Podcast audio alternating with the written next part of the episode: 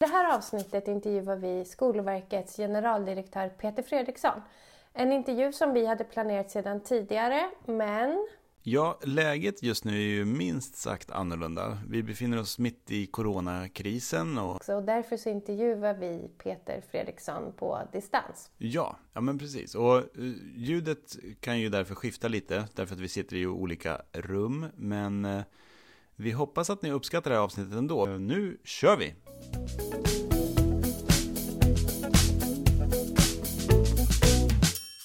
Hej och välkommen till Skolprat. Det här är en podd om skola, undervisning och lärande. Och vi som pratar heter Karin Rådberg. Och Petter Enlund. Och vi är lärare och arbetar som projekt och utvecklingsledare. Och idag så träffar vi Skolverkets generaldirektör Peter Fredriksson. Hej Peter! Nej men hej! Hej! Och eh, idag är det den 25 mars. Eh, det kan vara bra att säga kanske så att alla vet när det är inspelat. Om det skulle hända något de närmsta dagarna som, som förändrar lägesbilden och man undrar varför vi inte har pratat om det. Eh, Peter Fredriksson, välkommen. Tack för att du tar dig tid att prata med oss. Tack för att jag är inbjuden. Jättekul att du är här. Kan inte du berätta? Vi vet ju, vem, vi vet ju att du är Peter Fredriksson, Skolverkets generaldirektör. Men det finns säkert mer att berätta om dig. Ja, eh, men jag tar den korta versionen här. Jag har ju jobbat i skolan eh, i 33 år. Jobbat i och med skolan. Jag började som lärare på 80-talet och sen var jag rektor. Och sen var jag skolchef och utbildningsdirektör och sen två och ett halvt år så är jag generaldirektör på Skolverket. Det var den korta versionen. Har du några hobbys? Ja, det har jag faktiskt. Eh, och eftersom jag är svensklärare så, så får jag väl ändå säga att ett väldigt stort intresse i mitt liv är skönlitteratur, eh, men också film, teater. Eh, jag är också historielärare och det är klart att jag har ett stort intresse för kanske inte så mycket historien i sig, mer samhällsförändringar och alltså jag är intresserad av samhället och vad det är som påverkar samhället. Och sen är jag intresserad av att laga mat och så är jag intresserad av Arsenal.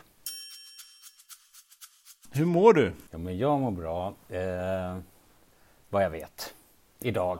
Den 25 mars. Ja, precis. Du är ju en erfaren lärare, en erfaren skolledare, skolchef tidigare och har varit med, alltså, har varit med om mycket. Men har du varit med om något som, som liknar det, den här situationen? Nej, det har jag ju inte. Inte som privatperson och inte heller som verksam i skolan. Jag var ju med faktiskt 1989 när det var strejk.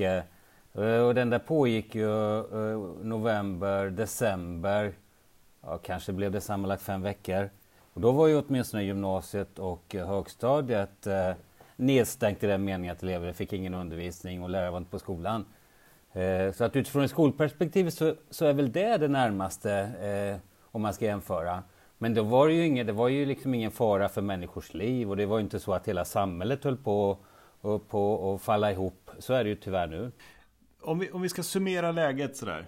Var, var befinner sig Skolverket? Eh, Skolsverige ville vi fråga om, men det vet jag inte om vi kan. Det, det är lägesbedömningen som får avgöra det senare. Men var, var befinner sig, vad jobbar ni med nu? Jo, men vi har ju följt utvecklingen under flera månader. Vi har ju eh, haft väldigt täta kontakter med framförallt Folkhälsomyndigheten men också MSB eh, sedan början av februari. Och de, de kontakterna fortsätter ju. Och sen har vi ju successivt försökt att anpassa våra insatser internt här på myndigheten, externt mot skolan och naturligtvis eh, eh, arbetet vi gör tillsammans med eh, ja, departementet. Och just nu är det ju väldigt mycket fokus på att, eh, att stödja skolorna utifrån den situation som är. Också väldigt mycket fokus naturligtvis på kontakter med departementet eh, eh, och med politiken. Eh, men eh, ja, mest tid lägger vi på att försöka få koll på eh, nulägesbilden, de problem man möter i skolorna, det stöd man behöver. Vi behöver samarbeta med andra myndigheter, vi behöver samarbeta med, med Sveriges kommuner och regioner, med vet, fris, olika organisationer som organiserar friskolor. Eh, ja. ja, men ungefär där är vi. Mm. Vad tänker du då? Vad är det viktigaste prioriteringen att göra i de här olika rollerna nu? Tänker du utifrån huvudman, rektor, lärare, elev och, och vårdnadshavare också? Jag tycker alltid att det är svårt att, att, och säga att något är viktigare än någonting annat, särskilt när man pratar om skolan för att det, det blir bara bra om man beaktar allas behov av stöd och hur, hur eh, olika eh, beslut och, och, och förutsättningar och villkor påverkar varandra. Jag brukar alltid tänka att det som är, är bra för lärare är bra för elever och det som är bra för elever är bra för lärare. Men det är klart att jobbar man på Skolverket så, så tänker man ju att, att, att eh, eleverna man framförallt eh, och först och främst eh, ser framför sig och det som är bra för eleverna. Men ska det bli bra för eleverna så måste det ju bli bra för, för, för lärarna och ska det bli, bli, bli bra för lärarna så måste det ju vara bra för rektorer och så vidare. Så att det är lite svårt att, att eh, säga att något är viktigare än, än någonting annat. Jag tror att i det här läget är det oerhört viktigt att alla hjälps åt och att alla förstår sitt, sitt, uh, sin funktion och sitt viktiga uppdrag och att man, man eh, också får stöd på olika sätt och att eh, ta sitt ansvar och göra det där så, så, som krävs här och nu och det som ja, kan stödja andra beroende på då vad man, vad man har för roll och funktion. Men ele, ele, det är klart att, att det är eleverna så, som, och elevernas behov och behov av undervisning och stöd som vi har allra mest fokus på. Jag lyssnade faktiskt precis på en annan podd innan den här inspelningen. UR kommer ut med en podd nu för att stötta föräldrar som har barn hemma. Eh, det, det, var väl värt att, att, lyssna på. Det var kloka råd där för att stötta vårdnadshavare också. Men i din roll då som Skolverkets generaldirektör, vad, vad, vad är svårast för dig i din roll just nu? Eh, jag skulle inte säga att det är svårt, men däremot tycker jag att det är viktigt. Eh, jag tror att vi alla förstår att det är sådana här läge som man ju aldrig eh, kan planera för. Det är ju aldrig så att man kan plocka fram några rutiner och riktlinjer och, och eh, lagar och regler och förordningar och arbetsordningar eh, som, som, som man kan luta sig mot. Utan nu är vi någonting helt unikt som ingen har, har upplevt förut. Och då är det ju extra viktigt att man som ja, myndighetschef är tydlig med, med vad det är som behöver prioriteras, eh, eh, vad som krävs av oss, eh, tydlig med, med, krav och förväntningar, eh, kunna lägga ett och annat åt sidan, fördela om resurser. Jag, jag, jag, tänker nog att, att jag ställs inför lite grann samma utmaningar som lärare i, i svensk skola idag. Alltså, lärare på gymnasiet men också lärare i grundskolan står inför någonting helt nytt. Och det där man planerade igår, ja det håller ju inte imorgon utan nu måste man våga tänka om och fundera på vad det man ska lägga sin tid på, vad som är möjligt att göra. Och kanske också vara lite nöjd med då att allt inte blir så där väldigt bra som det kanske blir i vanliga fall. Det, ty det, det tycker jag är viktigt att säga här på Skolverket men också till lärare och rektorer att om man i vanliga fall tänker att allt ska vara 100 procent. Det är ju rätt många lärare som tänker att allt ska vara 100 procent man ska motsvara alla krav och förväntningar och man ska vara sådär toppenbra alltid. Så kanske man idag får nöja sig med att vara 75 procent bra. Då. Och ingen, ingen kommer att, att vara missnöjd med det, för alla förstår ju att i sådana här läge så, ja, så, så står man inför sånt som man faktiskt inte har kunnat eh, i förväg eh, eh, eh, planera för. Så att man gör så gott man kan. Och, och, det där gäller att, att pränta in på myndigheten att nu gör vi allt vi kan och så får det bli så bra som det kan bli. Och det gäller också skolan, både gymnasiet och grundskolan idag. Det, och det, för det är ju ett helt nytt läge det här. Alltså distansundervisningen och den omställningen som skedde gick ju himla, gick ju fort. Eh, vi var ju igång Eh, på ja, men två dagar så började vi undervisa elever på distans helt plötsligt. Eh, och, och, det har ju sett likadant ut bland andra huvudmän vet jag. Eh, som också har gjort samma resa liksom. Och det, det, måste man ju verkligen säga, det är ju en bedrift som heter duga. Ja men verkligen. Alltså, ni vet, vi har ju jobbat med, med nationell strategi för digitalisering och Skolverket har ju under flera år jobbat med det här uppdraget att främja digitaliseringen i skolan. Och jag ska ju inte säga att vi inte har sett resultat. Det är klart att det har blivit successivt bättre över tid. Men det är oerhört mycket som har hänt den här veckan. Sen hade man ju önskat naturligtvis att det kunde hända utan att, eh, att det här viruset eh, eh kom. Eh, Men, men det är ändå väldigt intressant eh, att se vad den svenska skolan klarar av och vad lärare klarar av i ett sånt här läge. Alltså man måste ju vara väldigt imponerad utav den här omställningen som, som gymnasieskolan har gjort. Som du säger, från en dag till en annan så ställer man om undervisningen. Och lärare som har varit analog, analoga ett helt liv är plötsligt digitala. Och de spelar in lektioner och de har interaktion med elever. Ja, det är väldigt intressant och spännande att se eh, eh hur mycket bra som på kort tid kan, kan, kan, kan tas om hand av lärare och rektorer och andra i skolan.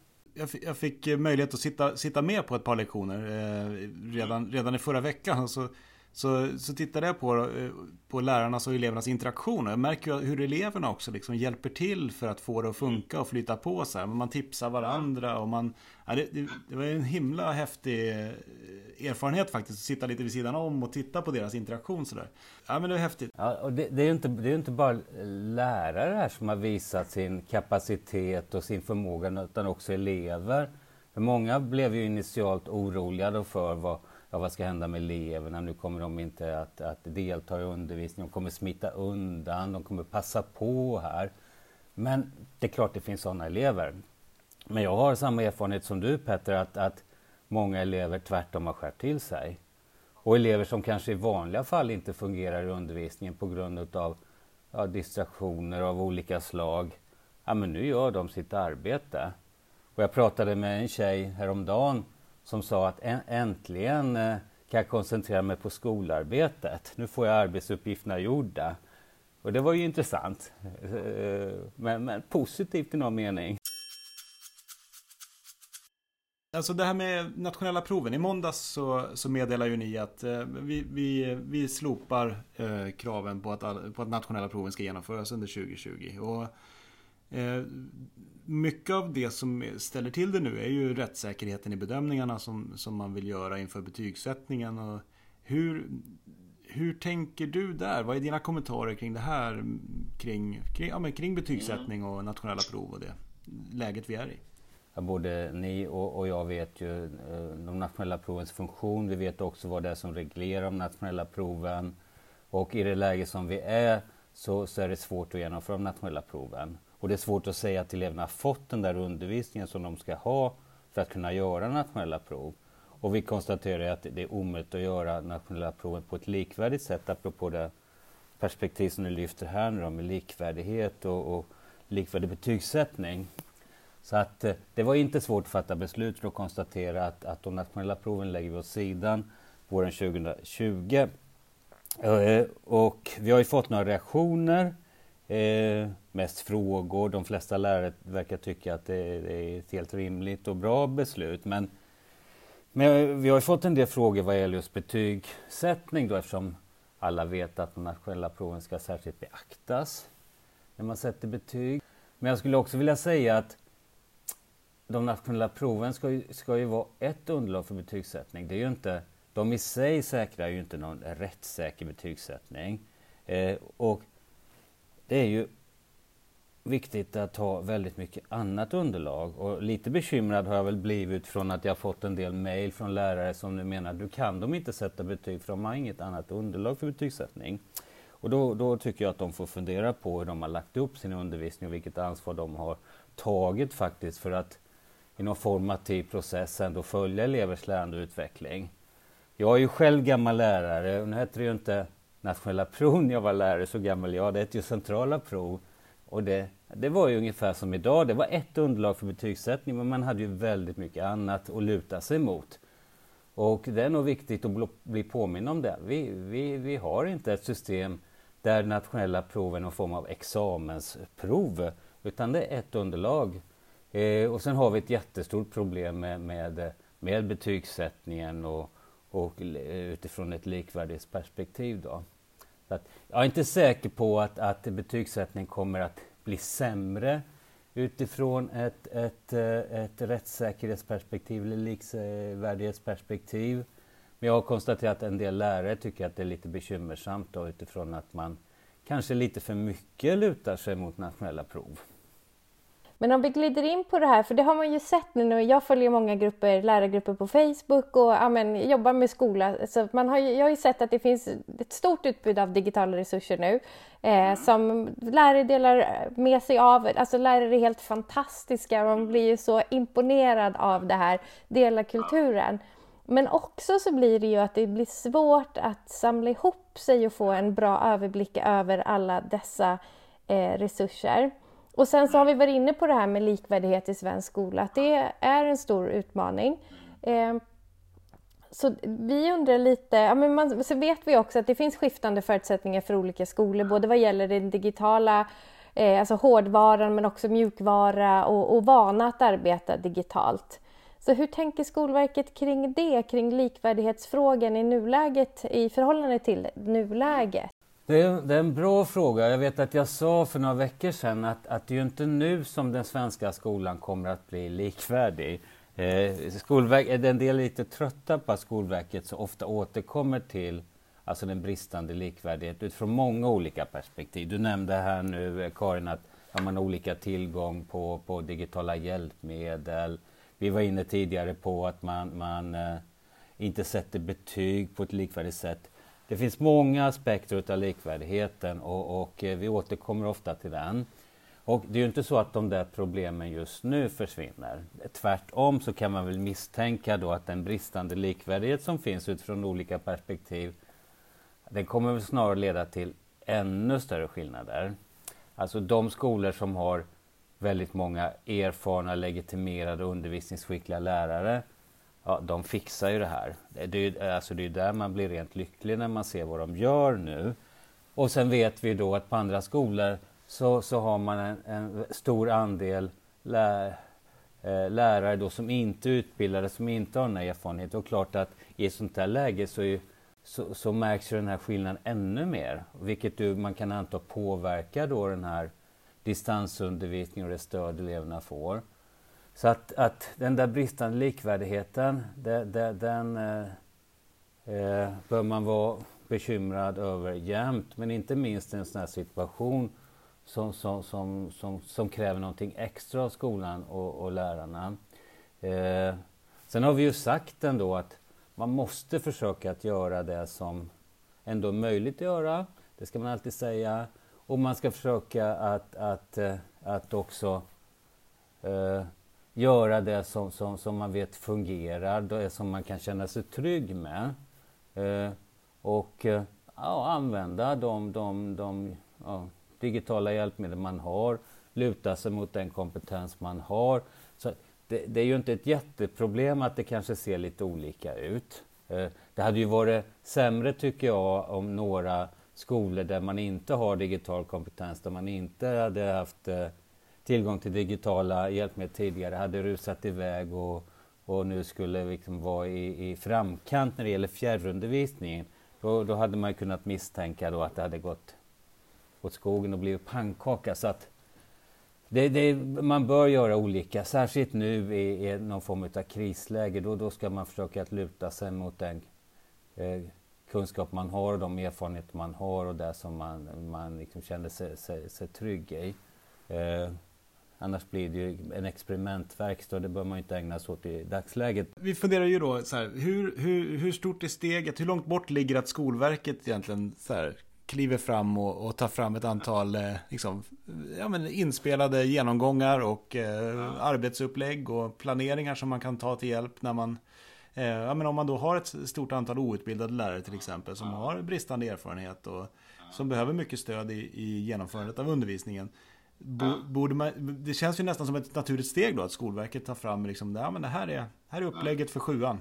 Ja, det där är ju någonting som vi har diskuterat eh, utifrån att vi, vi har ju ett uppdrag på Skolverket att stödja alla verksamma i skolan. Nu står det så i vår instruktion där som styr då myndigheten. Och förra året så tog vi ju fram då ett stöd särskilt riktat mot outbildade som jag tror att de tyckte om eh, och, och som har stött, hjälpt dem.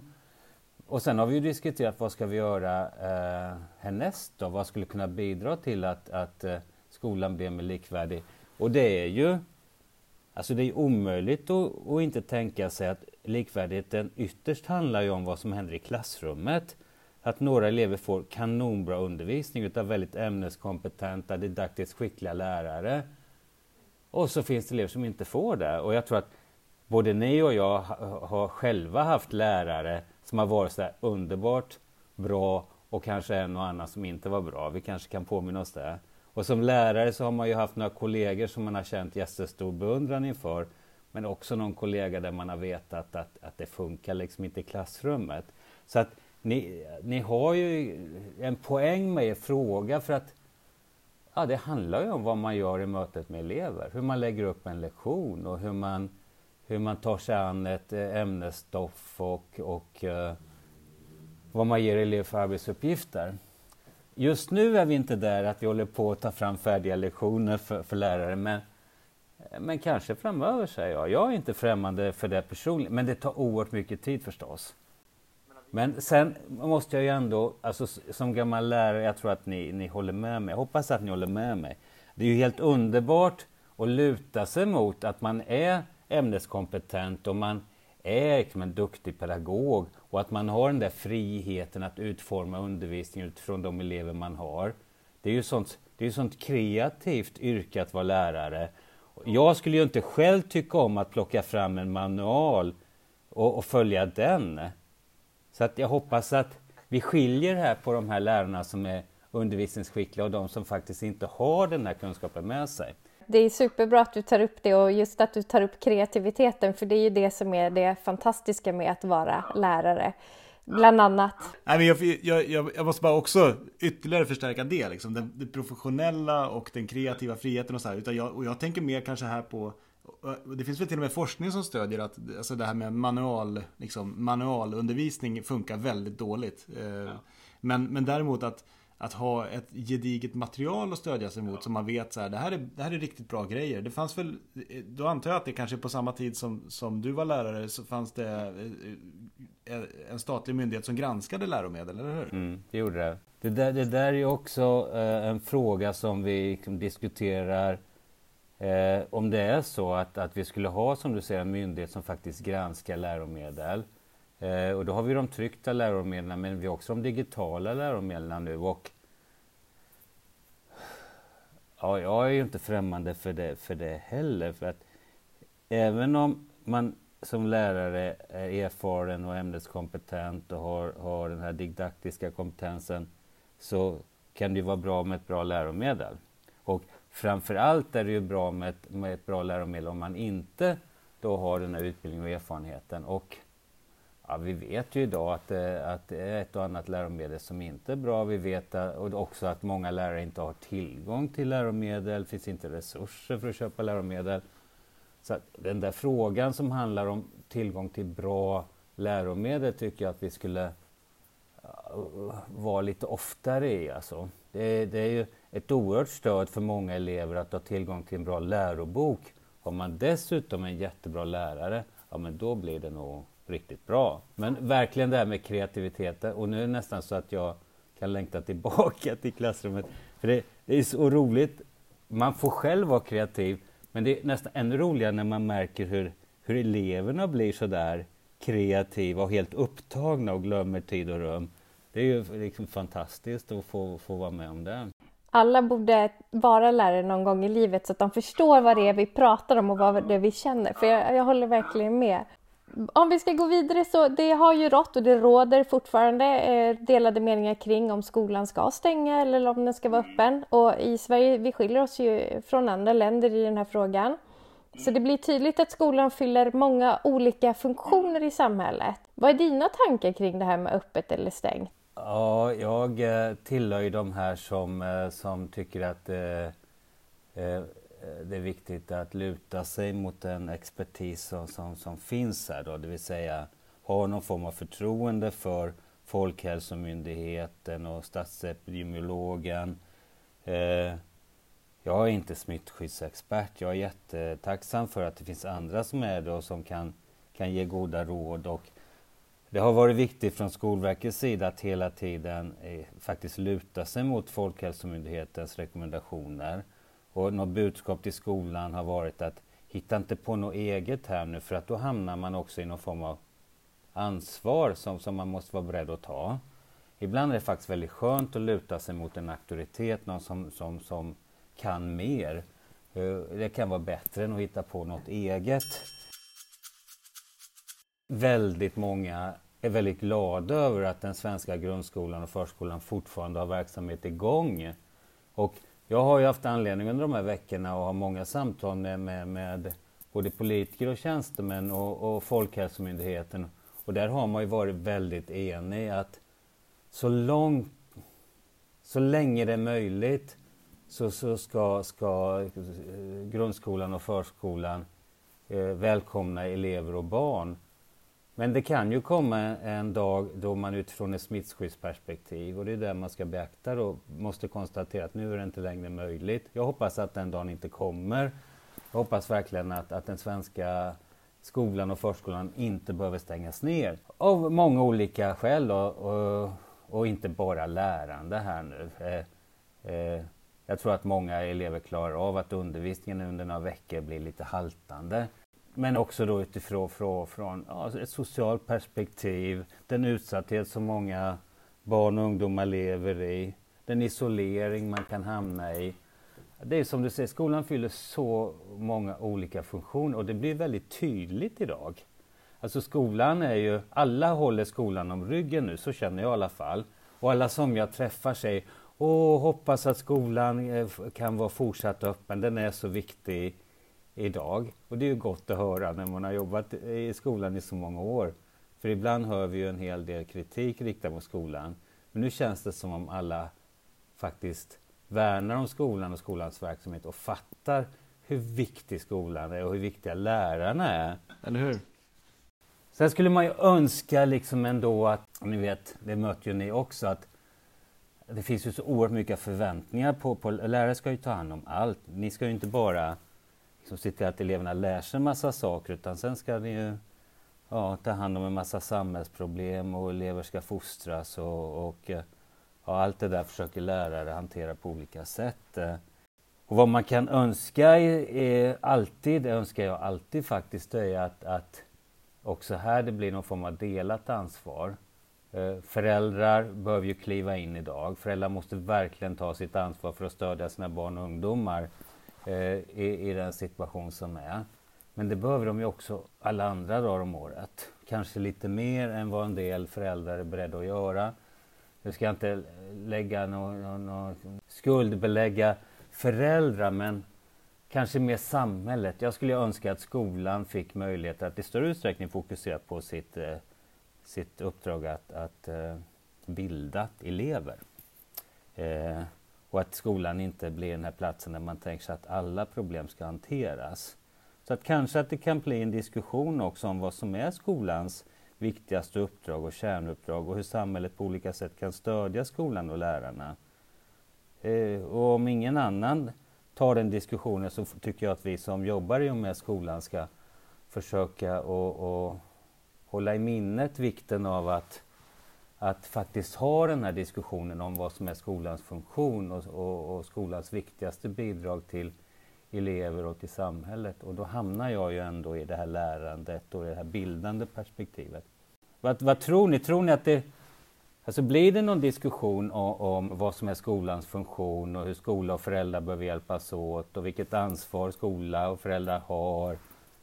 Eller kommer det här att gå över och sen kommer allt bli som vanligt?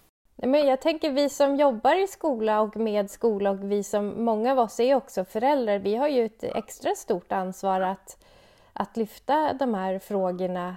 Ehm, så jag hoppas verkligen att vi kan diskutera skolans roll i samhället när den här krisen är över. Eh, det skulle vara det är jätteviktigt. Det, det är ju, jag, jag, tänker också eh, på det väldigt mycket nu. Om man, om man ska lyssna på Gert Biesta, den här eh, holländske utbildningsfilosofen, så han skiljer, han skiljer på skolans, eller han sätter upp ett ramverk egentligen för att liksom diskutera skolans eh, roll i samhället. Så där, där han skiljer på kvalificering, den kvalificerande funktionen, den, eh, den subjektifierande eh, funktionen och den socialiserande Mm. Ehm, och, och, det tycker jag är intressant i, i, det som händer nu då när vi går över till att liksom undervisa eleverna egentligen en mot en, mot en ganska hög grad. Vad händer till exempel med det socialiserande och det, det fostrande uppdraget om man så vill? Men också hur man som elev liksom hittar sig själv i relation till andra och, och blir till i det, liksom, i det som är eh, samhället eller vad man ska säga. Där skolan får sägas vara någon typ av modell av samhället där man får prova sin, sina tankar och så här. Men det är ju jätteintressant och jag tänker att nu är ju kanske Eh, eller nu är ju kunskapsuppdraget och ämnesundervisningen i fokus när vi pratar liksom eh, lärare bekymrar sig över hur ska jag göra mina bedömningar via distansundervisning så att man kanske inte funderar lika mycket på hur ska jag se till mitt socialiseringsuppdrag eh, utan det handlar mer om kvalificeringsuppdraget nu. Eh, så ja, jag hoppas att vi kan diskutera det här eh, mycket mer. Ja, ja jag, hopp, jag hoppas ju alltid att, att eh, skoldebatten vad vi än debatterar i skolan, att den ska bli lite mer liksom balanserad. Jag är ju så gammal så jag är lite trött på de här ytterligheterna, ni vet. Ja, ska det vara, ska det vara, eh, ska det vara fokus på kunskaper eller ska det vara fokus på social utveckling? Ja, det är både och brukar jag ju tänka. Det ena liksom förutsätter det andra. Ska det vara traditionell eh, undervisning eller ska det vara progressiv pedagogik? Ja, det är både och. Det fattar alla som har jobbat i skolan, fattar ju ni också. Så att vi kommer bort ifrån den där polariserade skoldebatten. Är det skola eller föräldrar som har ansvar för barnens utveckling? Och Ja, det är både och. Ja, hur svårt kan det vara att liksom bli överens om att ja, det är inte det ena eller andra? Väldigt sällan. Ska det vara Ska skolan digitaliseras eh, eller ska det vara som det var förr? Ja, det är både och. Ibland är det, är eh, det ena bättre och ibland det andra. Ja, ni fattar. Ja. Men det jag tycker det är himla eh, bra att, att någon i din position bara säger det. Eh, så här, att ja, men det, det är både och. Det, det, det, här är bra och så finns det stöd för det här också. Och det vi pratar om idag, kanske inte just det vi pratar om idag, men det vi pratar om kring undervisning och lärande, det pratade man ju om redan för alltså, det läser ju du i dina böcker Petter, de, de böckerna du läser i din kurs. Det här pratar de ju om redan på medeltiden. Nej, inte riktigt, men nästan. Jo men absolut. Och det just, just tycker jag det, det som du lyfte här förut för en stund sedan där med bildning är ju någonting som ligger mig väldigt varmt om hjärtat, eller oss eh, tror jag båda två. Alltså personlighetsblivandet och hur man liksom då förhåller sig till eh, vad gör man med sin kunskap? Eh, hur utvecklar man sin omdömesförmåga liksom? Eh, att, att få, ja. Alltså ta bara när vi när vi presenterade de nya kunskaps eh, eller de nya kursplanerna och reviderade kursplanerna och, och eh, att vi hade sett över kunskapskraven och så, då blev det ju då blev det ju genast eh, eh, detta att ja, nu ska eleverna lära sig fakta. Ja. Och det var ju inte det vi sa. Utan återigen då, ja, men det är ju en, man måste ha fakta men det är inget värt om man inte har någon förståelse och inte kan använda det som man kallar fakta. Det är både fakta och förståelse. Och utifrån ett framförallt bildningsperspektiv då, de här som, som, som, som, som menar att skolan ska vara en plats för, för där eleverna lär sig fakta. Ja, de har ju missat eh, det där som vi pratar om, bildning, de har missat personlig utveckling och allt det där. Så att, ja, återigen, någonstans i mitten där, både och. Vi, men ja, vart är vi nu? Nu kom jag av mig lite här. Ja, vi kanske kom ur ämnet. det gör ingenting. Det kommer ju en tid efter coronakrisen. Eh, vi förstår ju och hoppas att den går, den går ju, det här kommer gå över. Eh, förhoppningsvis på ett, eh, på ett så, så, lindrigt sätt som möjligt för så många som möjligt. Och vad ser du liksom på andra sidan här? Du var, du var inne på det förut, du pratade om ansvarsfördelning. Att det liksom... Alltså vad jag verkligen hoppas är att, att, att den här krisen kommer att visa på Eh, skolans eh, eh, och lärarnas eh, eh, kapacitet, förmåga, kvalitet. Jag vet inte om jag kan hitta ett ord. Det hoppas jag verkligen. Att man när man summerar det här och hur det här påverkade skolan och eleverna, att man kommer att kunna säga fasiken vad bra skolan hanterar det här. Det kanske är dags att omvärdera den svenska skolan. Det kanske är dags att säga att den svenska skolan är bra. Det hoppas jag verkligen. Det här är faktiskt ett tillfälle att visa hela Sverige vad, vad skolan och lärarna klarar av. Eh, Nu har jag ju lite fokus på skolan här hör jag, det brukar jag ju ha men det, det är klart att man är ju människa också. Det är klart att nu handlar frågan om skolan men jag framstår ju som okänslig tror jag om jag inte säger att det viktigaste är naturligtvis att det här går över och att, att uh, människor mår bra och att de är friska och att de har klarat det här. Eh, ja. Men det är väl så att stålbad eller vad man nu kallar detta som vi nu är i, att, att det, prövar, eh, det prövar oss på olika sätt. Kanske också att vi... Du, ni var inne på det här med samarbete, att man delar med sig av erfarenheter. Jag träffade en lärare igår som han var nästan redan trött på samarbete för han fick så mycket tips och goda råd och det var så mycket samtal och dialog och eh, Facebookgrupper nu kring det här så att det blev nästan för mycket. Men om det kan bidra till att folk, och det kanske det gör då, att folk närmar sig varandra, på olika sätt stöttar varandra, hjälper varandra, ja då är man ju också glad. Eh, det vore ju fint. Och man kan hålla i det också sen. Ja, men jag tänker, på tal om det här med, med tips och sådana saker. Alltså det är klart att eh, alla vill ju hjälpa till. Eh, men, men, eh, men jag har också snappat upp det att, att många, jag, men, jag menar, eller så här, snappat upp och snappat upp. Jag, jag, är också lärare och jag vet ju att, jag menar, jag har ju en utbildning och jag har min kunskap och jag vet ju vad som brukar funka med mina elever. Eh, mm. Sen, sen tipslistor i all ära liksom, men, eh, men det... Ja, du kan vara lite trött på alla goda råd va, från amatörer.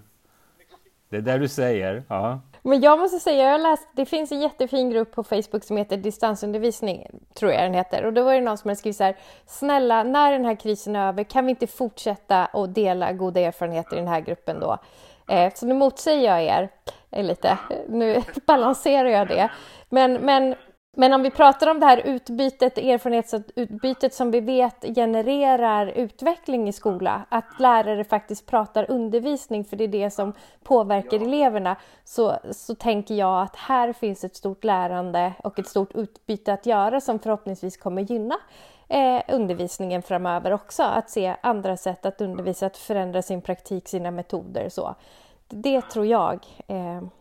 Jag, tror att, jag tror att eh du är inne på någonting eh, riktigt och viktigt här och, att, att också och komma ihåg framöver.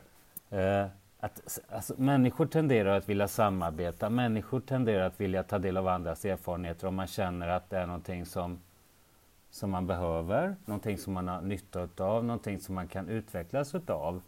Och nu är det ju samarbete kring, som, som du sa, undervisningen. Man är ju mitt i undervisningen. Hur sjutton ska jag planera det här? Hur ska jag genomföra det här? Hur ska jag få till redovisningar utifrån att det är distansundervisning? Det vill säga lärare är verkligen i de här frågorna som är de viktigaste för lärare. Och då är det ett jäkla engagemang och, och, eh, och en vilja att dela med sig.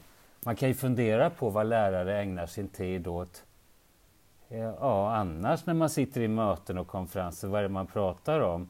Som gör att man kanske inte känner den där lusten och engagemanget och delaktigheten. Men det kan vi också ta någon annan gång då. Mm. Det finns ju massa trådar här som vi måste, vi måste få följa upp det här med dig Peter. Men du, vi brukar alltid avsluta eh, våra podd, poddar med att vår gäst får skicka med sig tre saker till våra lyssnare. Eh, vad vill du skicka med idag? Alltså, nej, jag, inte, jag, jag är inte en sån här prylmänniska. Eh, jag har faktiskt väldigt lite prylar. Eh, får jag skicka med något annat? Ja. ja. Men då skickar, jag med, då skickar jag med energi och tid. Några extra timmar här skickar jag med. Eftersom jag vet att de som jobbar i skolan idag behöver lägga väldigt mycket, mycket kraft och tid på att hantera den här situationen. Och så här långt så tror jag att man orkar med det. För det, det är lite spännande också. Eh, men, men, över tid så tror jag nog att, att det kommer att bli lite jobbigt eh, och man skulle behöva den där extra energin och extra tiden. Så det skickar jag med. Och sen skickar jag naturligtvis med tack eh, alla på gymnasiet från hela Skolsverige, hela Skolverket. Eh, ja, för, för hur man jobbar nu och, och för det ansvaret som man tar. Så tid, energi och tack. Och det tredje, ett långt sommarlov faktiskt skickar jag iväg. det tror jag att, att både lärare och elever behöver. Ett långt sommarlov eh, då ingen undervisning behöver tas igen utan eh, ja, nästan att man skulle behöva några veckors eh, extra sommarlov. Det tror jag inte att någon kommer fatta beslut om. Men jag önskar verkligen att alla kan få ett långt sommarlov och att det där viruset bara är försvunnet och ingen hittar det igen. Mm? Ja, fantastiskt. Tack så jättemycket. Det var jätteroligt att prata med er. Tack så hemskt mycket för att du tog dig tid och, och svarade på och, och resonerade lite med oss.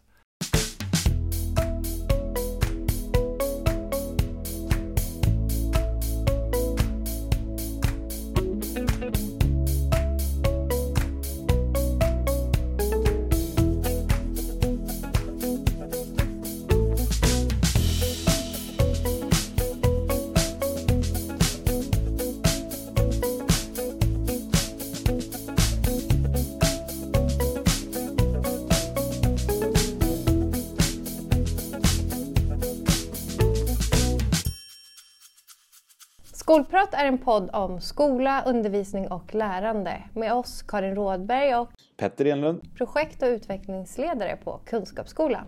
Tack för att ni lyssnat.